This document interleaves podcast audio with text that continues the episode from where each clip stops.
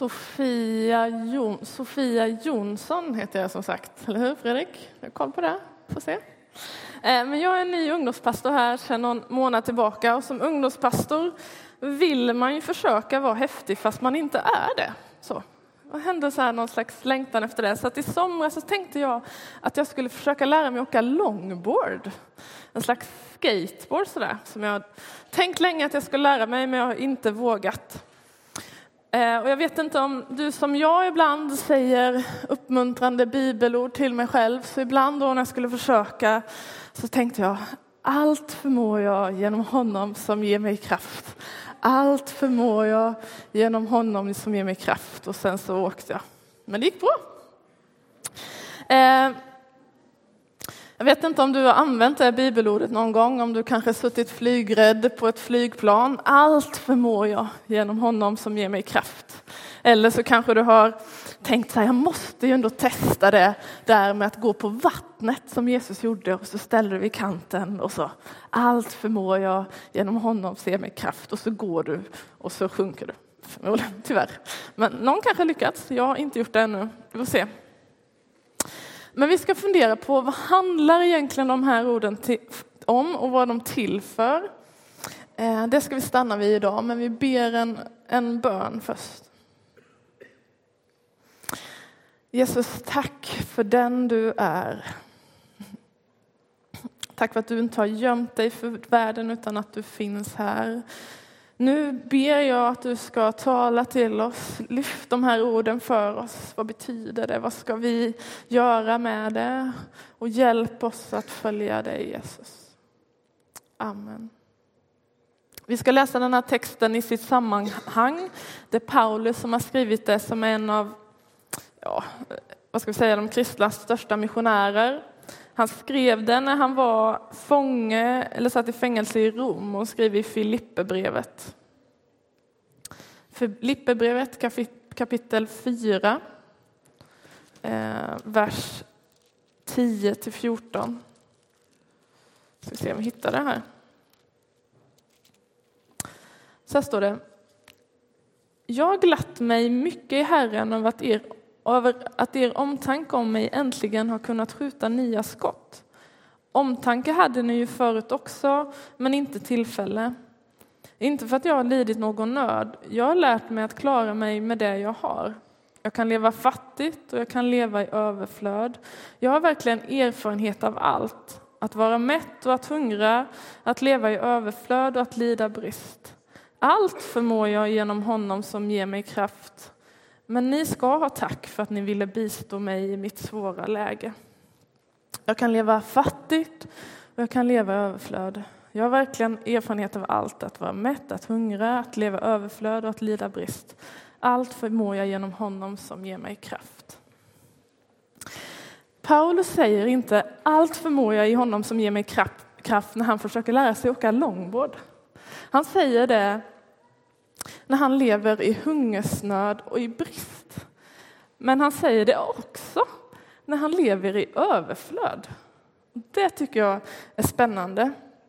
För jag tycker att det är ganska logiskt att Paulus behöver Guds kraft när han liksom sitter i fängelse, när han sitter, eh, lever i fattigdom och säger men jag hungrar ihjäl, ihjäl. Gud hjälp mig. Gud ge mig din kraft. Men det verkar som att Paulus även behöver Guds kraft för att leva väl i rikedom. Gud ger mig kraft att hantera min rikedom väl. Att vara tacksam för det jag har. Eh, och att dela med mig, för det där verkar liksom inte komma automatiskt.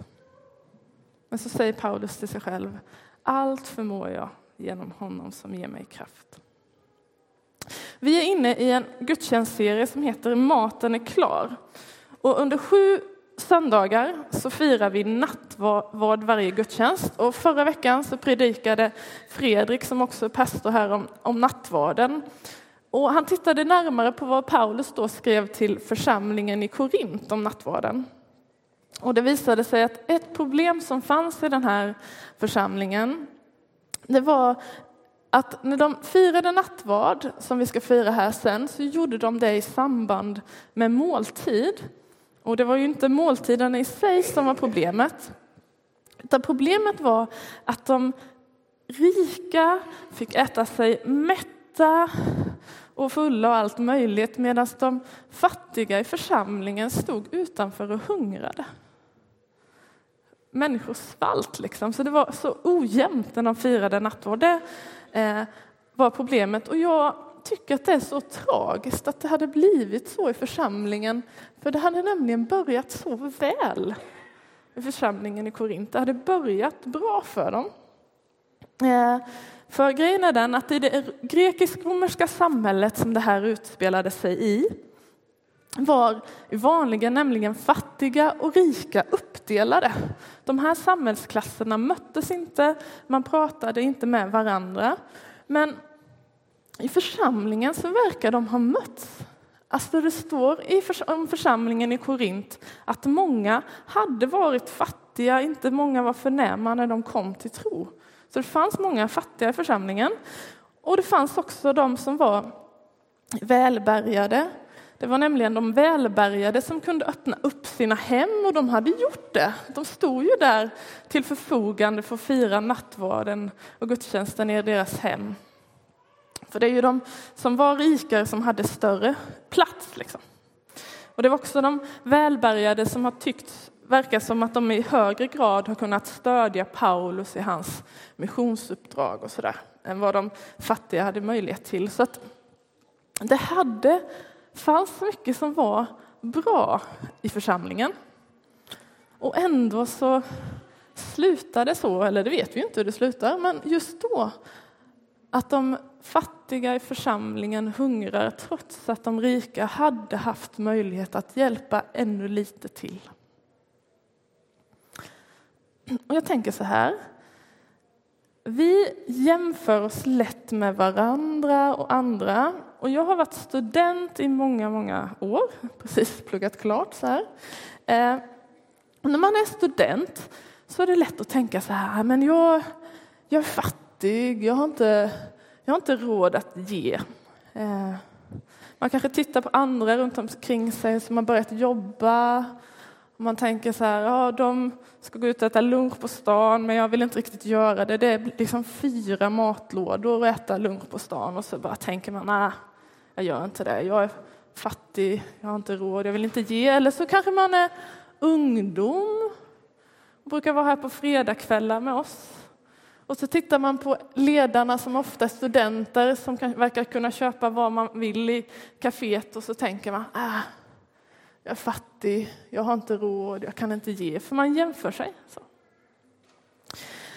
Eh, men vi ska försöka sätta det här i perspektiv. Här kommer min man i sin pengarkavaj. Eh, kan stå lite längre fram.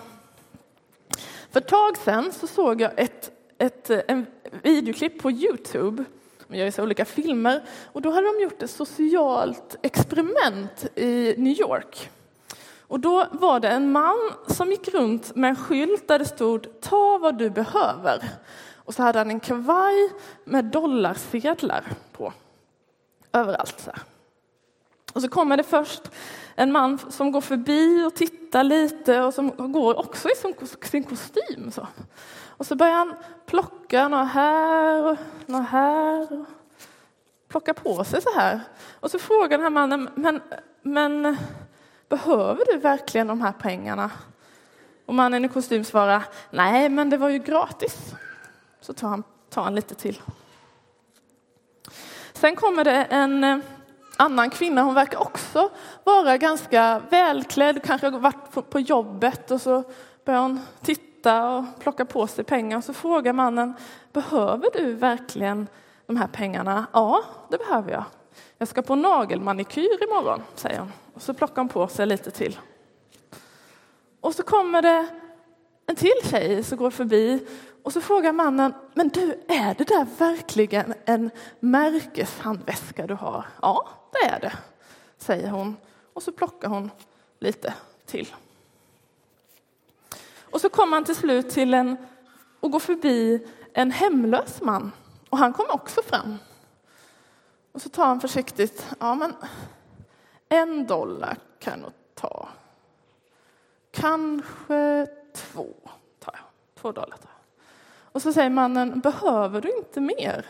Till imorgon också säger han, nej, det här räcker till mat idag. Ger du till någon annan som behöver?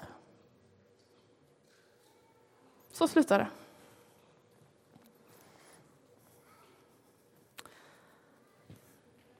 Det här var ett experiment. Eh. Det verkar i det här experimentet som att det var den fattige som hade lärt sig att leva väl med det han hade. Och de rika verkade alltid se sitt behov av mer och plockade på sig mer. Så. Och det där tog tag i mig lite. Vet du, om du är student i Sverige så är du inte fattig, då är du rik. Då är man rik. Eh, jag vet inte hur många här som brukar handla och sätta ditt, din mat i ett kylskåp. Hur många har ett kylskåp? Ganska många, okej. Okay. Hur många har en säng som ni sover i? Jag har en säng. Ja. Eh, hur många har tak över den här sängen när du sover? Det är ganska många. Jag säga grattis.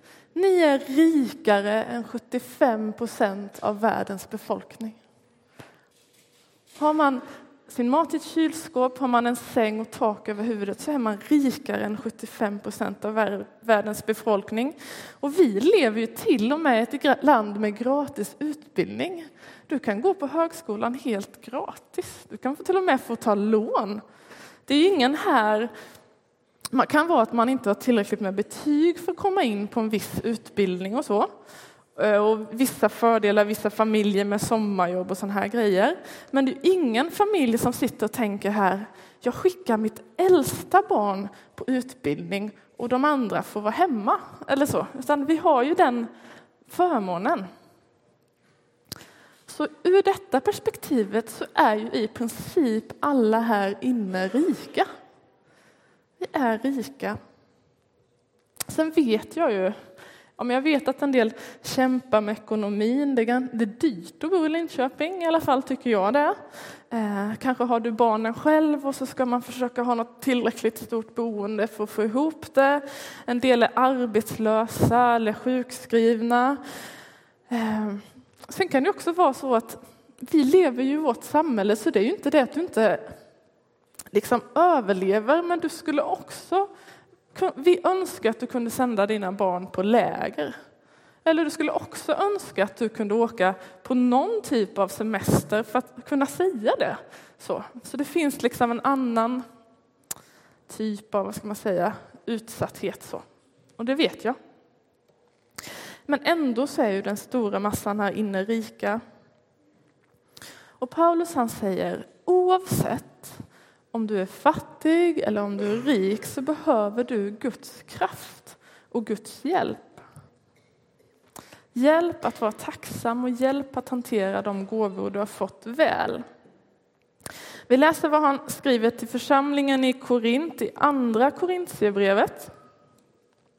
Andra Korintierbrevet kapitel 8, vers 12 till 15. Och det här skriver han när de ska göra en insamling till församlingen i Jerusalem.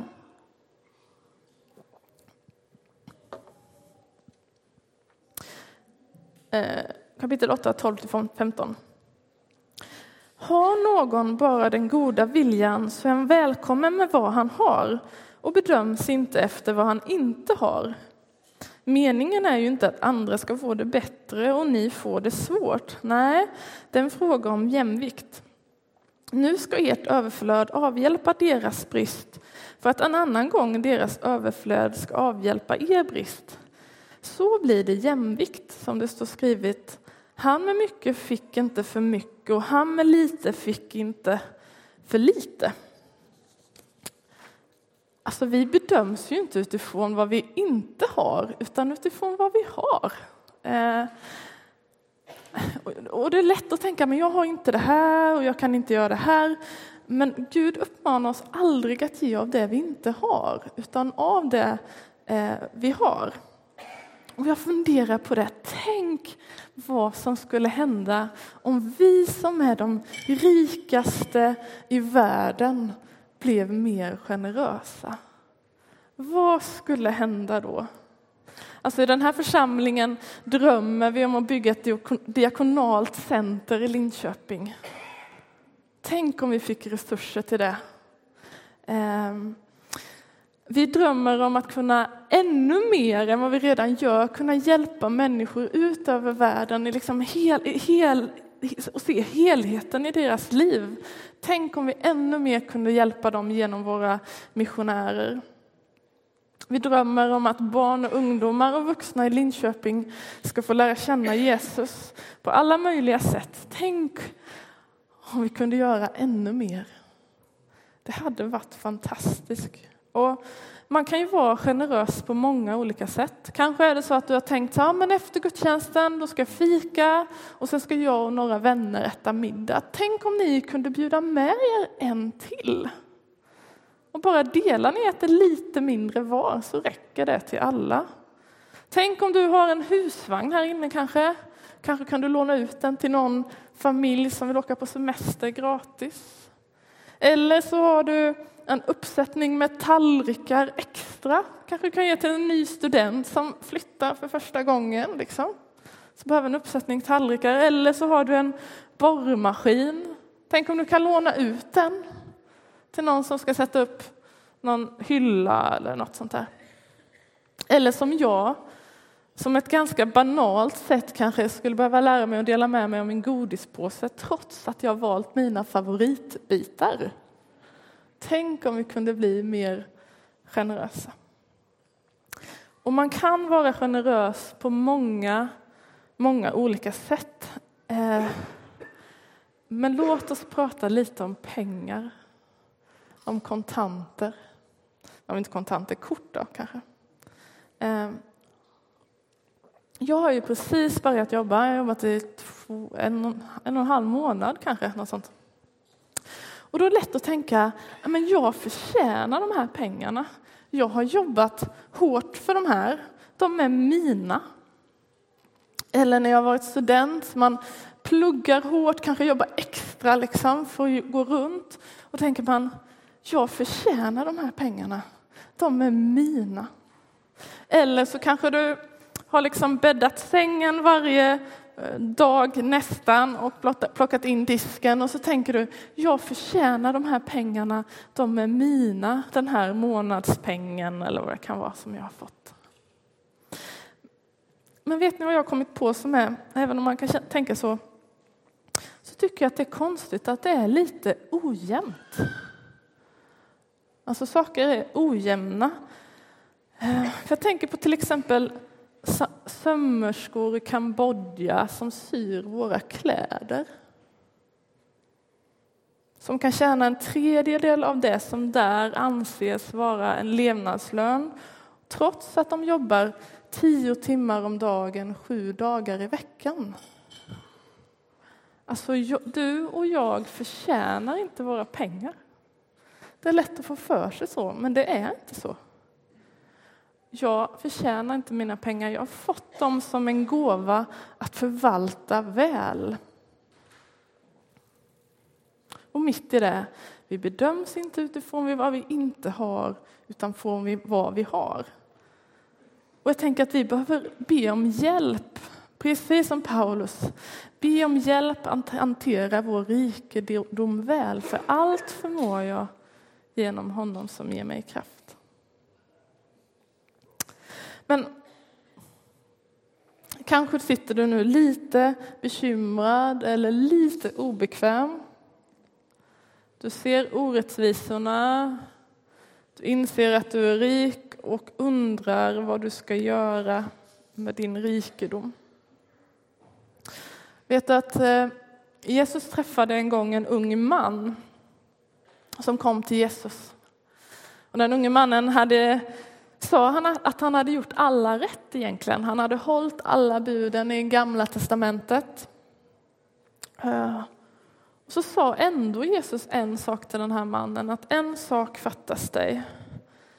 Om du vill bli fullkomlig, så gå och sälj allt du har och ge åt de fattiga. Då får du en skatt i himlen. Kom sedan och följ mig. Alltså det där var inte alls uppmuntrande. Jag vet inte vad ni, vad ni kände. Gå och sälj allt. Så här. Eh. Och det var det inte. Den unge mannen tyckte inte heller det, så han gick bedrövad därifrån. Men jag undrar vad som hade hänt om han hade stannat kvar lite i den där bara känslan av att nej men jag kan inte, eller jag, bara att få känna det som är svårt i en själv. För då hade han förmodligen hört de orden som Jesus sa till sina lärjungar precis efter detta. I Matteus evangeliet kapitel 19.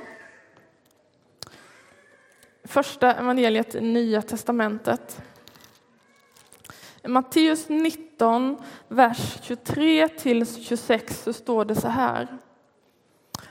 Men Jesus sade till sina lärjungar Sannerligen, det är svårt för en rik att komma in i himmelriket. Ja, jag säger det är lättare för en kamel att komma, in, komma igenom ett nålsöga än för en rik att komma in i Guds rike. När lärjungarna hörde det blev de bestörta och sade, vem kan då bli räddad? Jesus såg på dem och sade, för människor är det omöjligt, men för Gud är allting möjligt. För människor är det omöjligt, men för Gud är allt möjligt. Även vi som är rika blir räddade av nåd. Det är Gud som gör det.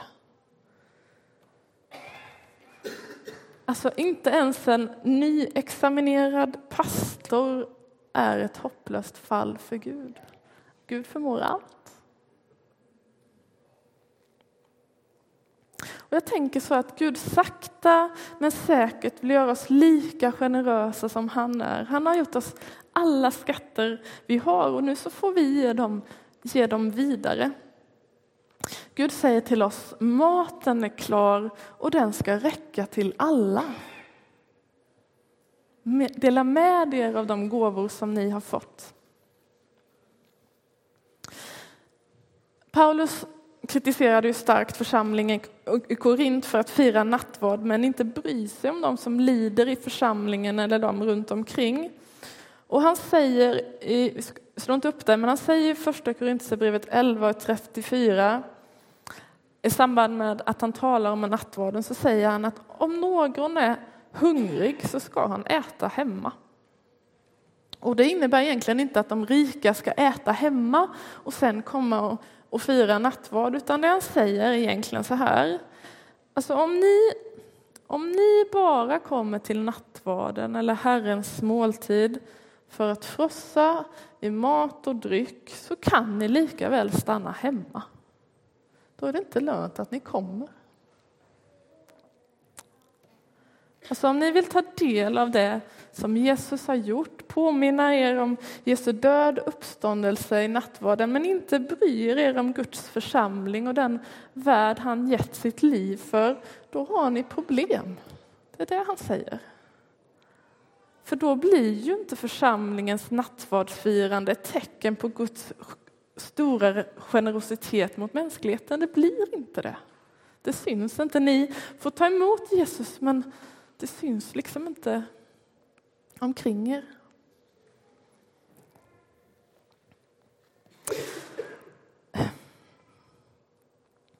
Men jag vet inte, kanske tänker du precis som jag så här dagen innan löning om ni får pengar.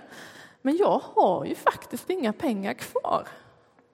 Så kan jag sitta och tänka här när vi tar kollekt här inne. Men jag har ju faktiskt inga pengar kvar, Fredrik. Nej, vad ska man göra? Ja, låg lön tyckte han. Nej, det tror inte jag. Eh, eh, men jag har ju inte en massa pengar kvar att strössla när månaden är slut. För det är väl lite som, som man brukar säga, så man anpassar sig efter det jag har. Alltså när jag var student så tog pengarna slut i månaden och det gjorde de nu också helt enkelt. Så jag har ju inte massa kvar. Eh, men jag tänker så här, imorgon så är det en ny dag. Då får vi lön. Ha? Det är bra. Imorgon är det en ny dag. Då får många av oss lön, en del får studielån, en del får bidrag, alla andra får månadspeng i alla fall någon gång i veckan. Och då brukar man ju betala hyror, kanske först. Hyror, räkningar, en del kanske sätter över pengar på något slags matkonto. Sådär. Eh, för vi tar ju liksom de största och de viktigaste räkningarna först. Det är så vi jobbar. Och så får vi se vad som blir över kanske, om det finns något extra så här som man kan ha på nöjeskontot. Och ibland så tror jag att pengarna till Guds församling, till Guds rike, har börjat ses som något som vi ses som något som tillhör nöjeskontot ifall något blir över. Problemet är att det blir ju inte för mig så jätteofta någonting över. Eh, och då kan man fundera på hur, hur, hur blev det så?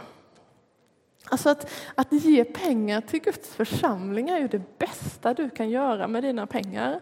Du kanske tänker, men hur ska jag kunna påverka den här världen? Liksom? Det är inte så lätt. Man sitter här. Äh, men det kan du göra genom att ge till Guds församling. Ehm. Jag bara tänker på att genom att ge till exempel till församlingen här så lär ju ungdomar känna Jesus. De upptäcker att de inte är värdelösa, de är värdefulla. Genom att ge pengar hit så ger vi möjlighet för mammor i den här staden att köpa blöjor till sina barn, det mest basala. Genom att ge pengar så hjälper vi översvämningsdrabbade människor i Nepal.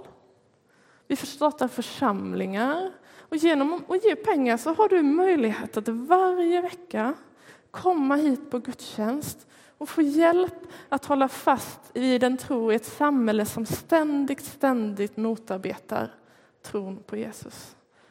Alltså, att ge av sina pengar gör ju skillnad.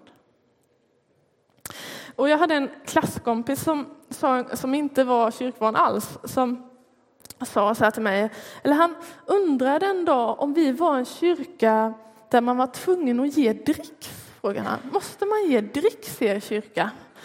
Jag skrattade lite, nej, nej, nej, nej, man måste inte ge dricks, sa jag. Eh, och så tänkte jag på det här häromdagen. Är det så att vi har börjat se pengarna till församlingen som dricks? Alltså något litet extra som man ger utöver. Men att få ge församlingen, det är ju liksom basföda. Det är ju något som ligger i botten. Ehm, och I kyrkan så har vi det funnits en tradition av att ge en tiondel av sin inkomst till församlingen. Ehm, man gav det utifrån att eh, eh, i, Gamla testamentet talas det om att man gav en tiondel av skörden till templet. Så där. Det har funnits en tradition om att ge en tionde, kallas det. Och ibland så tror jag att vi har inte, vet inte, men slutat undervisa lite om det, för det blir så fyrkantigt. Liksom. Det är lite, ja, det är lite så svårt. För man kan liksom ge sin tiondel eller ge 10 procent till församlingen och så kan man vara hur ogenerös som helst i övrigt. Alltså det betyder inte att du ändrar ditt beteende i allmänhet så. Så vi har tyckt att det är lite knepigt. Eh. Men jag undrar ändå om vad som skulle hända om vi alla imorgon, och när vi får pengar, oavsett hur mycket eller lite, om i alla fall om du är en del av den här församlingen, om vi satte oss ner och tänkte jag ska ge en tiondel av det jag har till församlingen och jag ska göra det varje månad. Vad hade hänt då? Det är väldigt spännande. Eh, för det där är ju på något sätt basföda. Och det viktigaste, det ger man bort i början av månaden. Och sen får man se vad som händer, kanske. Kanske annat förhållande till pengar. Men, ja. För de där pengarna blir så, till så mycket mer än om jag behåller dem för mig själv. Det är jag helt övertygad om. Eller vad händer, för det var det där som var det knepiga då med den här, om man bara ska tänka tiondel. Men vad händer om du som har ännu mer, om du ger ännu mer? Om du ger så det känns? Um, för vi har ju ibland, eller vi har ju traditionellt kallar vi ju vår insamling för offer och inte för dricks. Det är något att suga på lite. Okej, okay, jag ska sluta. Till dig som nu känner dig inträngd i något slags hörn, för du kämpar på riktigt med att gå runt. Alltså, vi bedöms inte utifrån vad vi inte har, utan från vad vi har. Ge av det du har, se inte ner på din gåva, hur liten eller stor den är. Och man kan få komma ihåg att Jesus tog, en klassisk berättelse är att Jesus tog fem bröd och två fiskar och så gav han mat till mer än 5 000 av det. Så se inte liksom ner på den, din gåva. Utan kom ihåg att när du ger så förändras människors liv. Och jag tänker att vi måste påminna oss om Jesu ord. För människor så är det omöjligt, men för Gud är allting möjligt. Det finns inga hopplösa fall och så får vi tillsammans be. Allt förmår jag genom honom som ger mig kraft. Jesus, hjälp. Hjälp oss, hjälp mig att se allt det som jag har fått. Hjälp mig att se att det är en gåva från dig att förvalta. Hjälp oss att ge det vidare. Att inte hålla fast vid det, utan vara lika generösa som du var och är. Du vet att vi och jag tycker det är så svårt. Vi påverkas så mycket av det sammanhang vi finns oss i. Men hjälp oss att bli en generös församling där människor ser dig i mötet med oss, Jesus. Var också med den som verkligen kämpar Kämpar med att gå runt, att ha mat på bordet, att ha någonstans att bo. Jag bara ber om din välsignelse över dem. Och jag ber att vi som församling ska få ta mer ansvar för varandra och ge vår rikedom till den som inte har. Och tack för att vi också i den där mötet med den som kanske är fattig får upptäcka vem du är Ofta av någon anledning verkar det vara de som har upptäckt mer om dig. Så hjälp oss att ta emot den gåvan, Jesus. Amen.